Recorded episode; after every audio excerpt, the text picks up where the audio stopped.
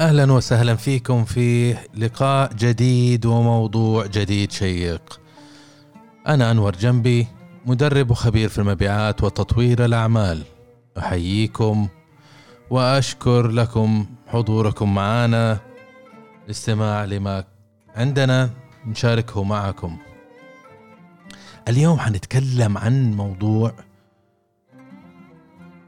يقول كيف يمكنك أن تثق في شخص لا تحبه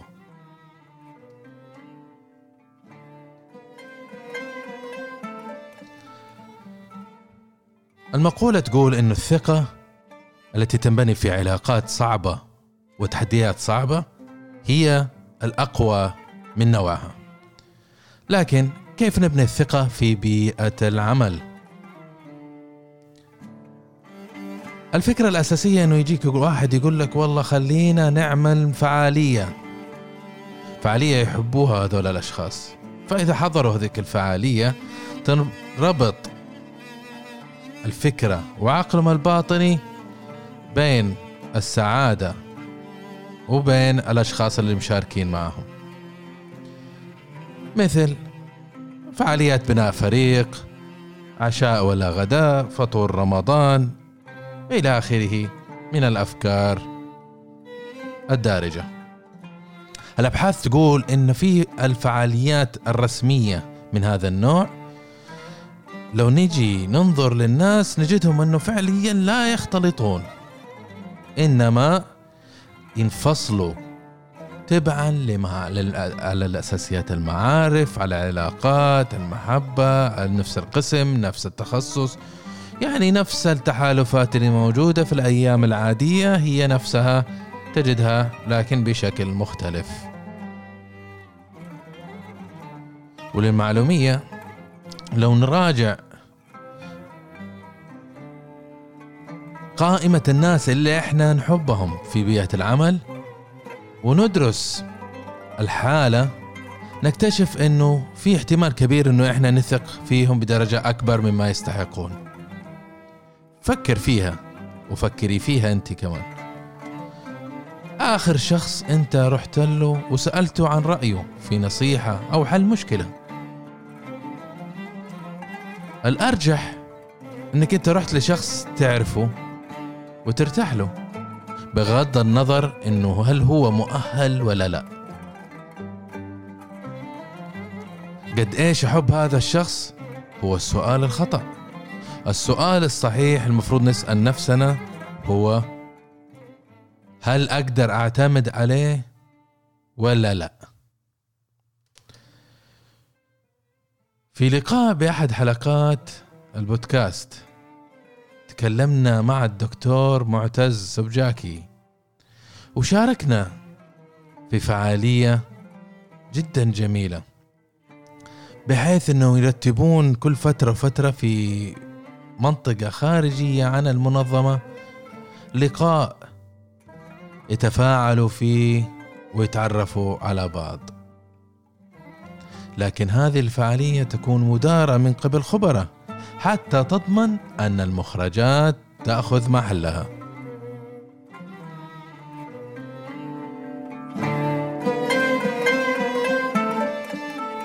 في بعض بيئات العمل نجد أن فرق العمل يعملوا لقاء شهري على الغداء مثلا. لأن الفكرة هنا في بالهم إنه نتعرف على بعض حتى نبني الثقة. لكن الدراسات تقول لك إن الثقة لا تأتي بهذه الطريقة. ما تأتي بأن أعرف الشخص فأثق فيه. لأن التواصل هنا يكون فترات قصيرة. وما تظهر شخصياتنا فيها. لذا تبقى العلاقات سطحية. وأفضل طريقة لبناء ثقة هو أنك تندمج مع أفراد آخرين لفترة زمنية وخاصة في حالة تناول مشكلة أو تحدي أو مشروع صعب. ليش؟ لأنك بهذه الطريقة حتعرف وحتتعلم كيف ردة فعلهم. معرفة ردة فعلهم هو مفتاح بناء الثقة. لأن الواقع أنك أنت بما أنك لا تقدر ما تقدر تتنبأ بتصرفات شخص وقراراته هذا سبب رئيسي أنك أنت ما تقدر تثق فيه. المواقف الصعبة ما تعلمنا عن شخصيات الناس بس. هي فعليا تعلمنا كيف نساند بعض ونغطي على ضعف بعض كفريق. تعلمنا كأفراد كيف نكون غير حصينين. إيش قصدي بغير حصينين؟ كلمة صعبة هذه. غير حصينين إنه ما اكون أنا دفاعي. عادة الناس يحموا وضعهم الاجتماعي وضعهم في المنظمة منصبهم مر... آه، سمعتهم يحمونها بجدار غير مرئي ويضعون حواجز بينهم وبين الناس. لأن إذا كنت بتعرف أو تتعرف على فريق وحبيت إنك تبني ثقة عليهم الأفراد وأنت تتعلموا كيف تنزلوا دروع الحماية الخاصة فيكم وتكونوا غير حصينين.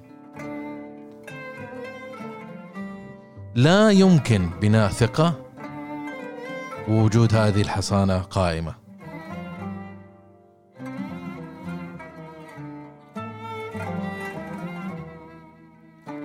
إذا لنتفق على أن مبدأ المواقف الصعبة هي ما تبني العلاقات القوية.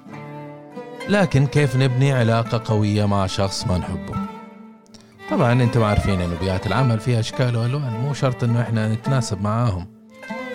لكن الفكرة إنه لازم نبني ثقة وهذه أساسية. إذا أنت ما تثق في شخص كيف تعمل معه؟ طبعا ما تيجي الأمور هذه بالقوة إما إنما تأتي بممارسات صحيحة. من بين كل الأمور اللي تسهل بناء الثقة هي وجود العوامل المشتركة من الصعب بناء علاقة ثقه مع أشخاص مختلفين عنك أو من خلفيات مختلفة. ما أقول مستحيل لكن أقول صعب. بمعنى إذا كنتوا تشجعوا نفس فريق الكورة متخرجين من نفس الجامعة من نفس المدينة من نفس الجنسية. هذه العوامل تجعل الناس يندمجون ويرتبطون مع بعض بطريقة حتى ما يدركوها. العوامل المشتركة تؤثر أكثر في بناء الثقة.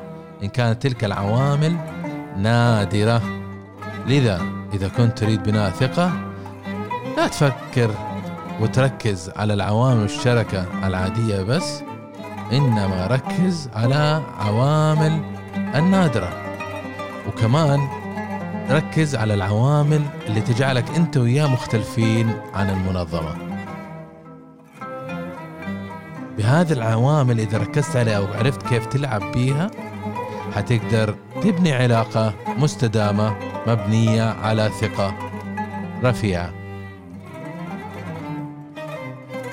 فكرة ثانية اللي هو فكر في أسوأ زميل ممكن تشتغل معه.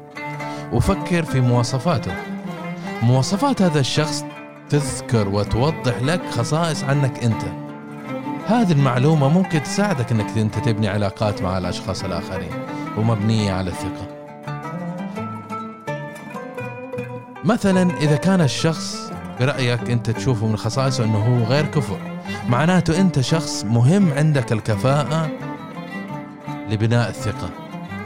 شخص ما هو كفؤ ما تقدر تثق فيه. إذا فهمت نفسك أنت ممكن أنك أنت تتحرك إلى الأمام بطريقة صحيحة في بناء علاقات صحية علاقات عمل مبنية على الثقة. بناء الثقة أخواني أخواتي فيها مخاطرة.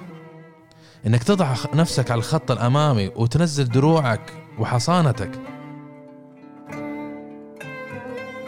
وأنت في هذا الوضع مو شرط ترى إذا نزلت دروعك معناته أنت في أمان. ممكن تجيك قرصة ولا تجيك ضربة من هنا ولا هناك. لكن أكبر خطر وتذكروا هذا الشيء أكبر خطر هو إنك أنت ما تعرض نفسك للمخاطر ابدا. لأنك أنت إذا ما عرضت نفسك للمخاطر ونزلت درعك وحاولت تبني علاقات مع الناس طول عمرك حتبقى باني أو رافع حاجز بينك وبين الآخرين.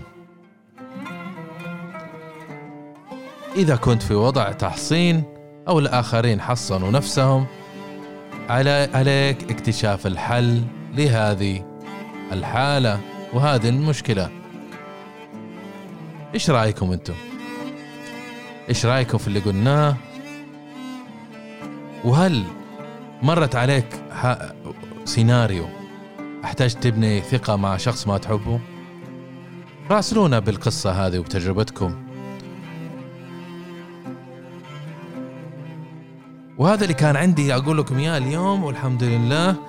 أتمنى المحتوى كان مفيد ونال على رضاكم. لا تنسوا تتواصلوا معنا على ال social media على لينكدين وتويتر وفيسبوك. وزوروا المدونة وشوفوا إيش عندنا محتوى ومواضيع ومقالات ودروس. وإلى لقاء آخر. أستودعكم الله وفي أمان الله.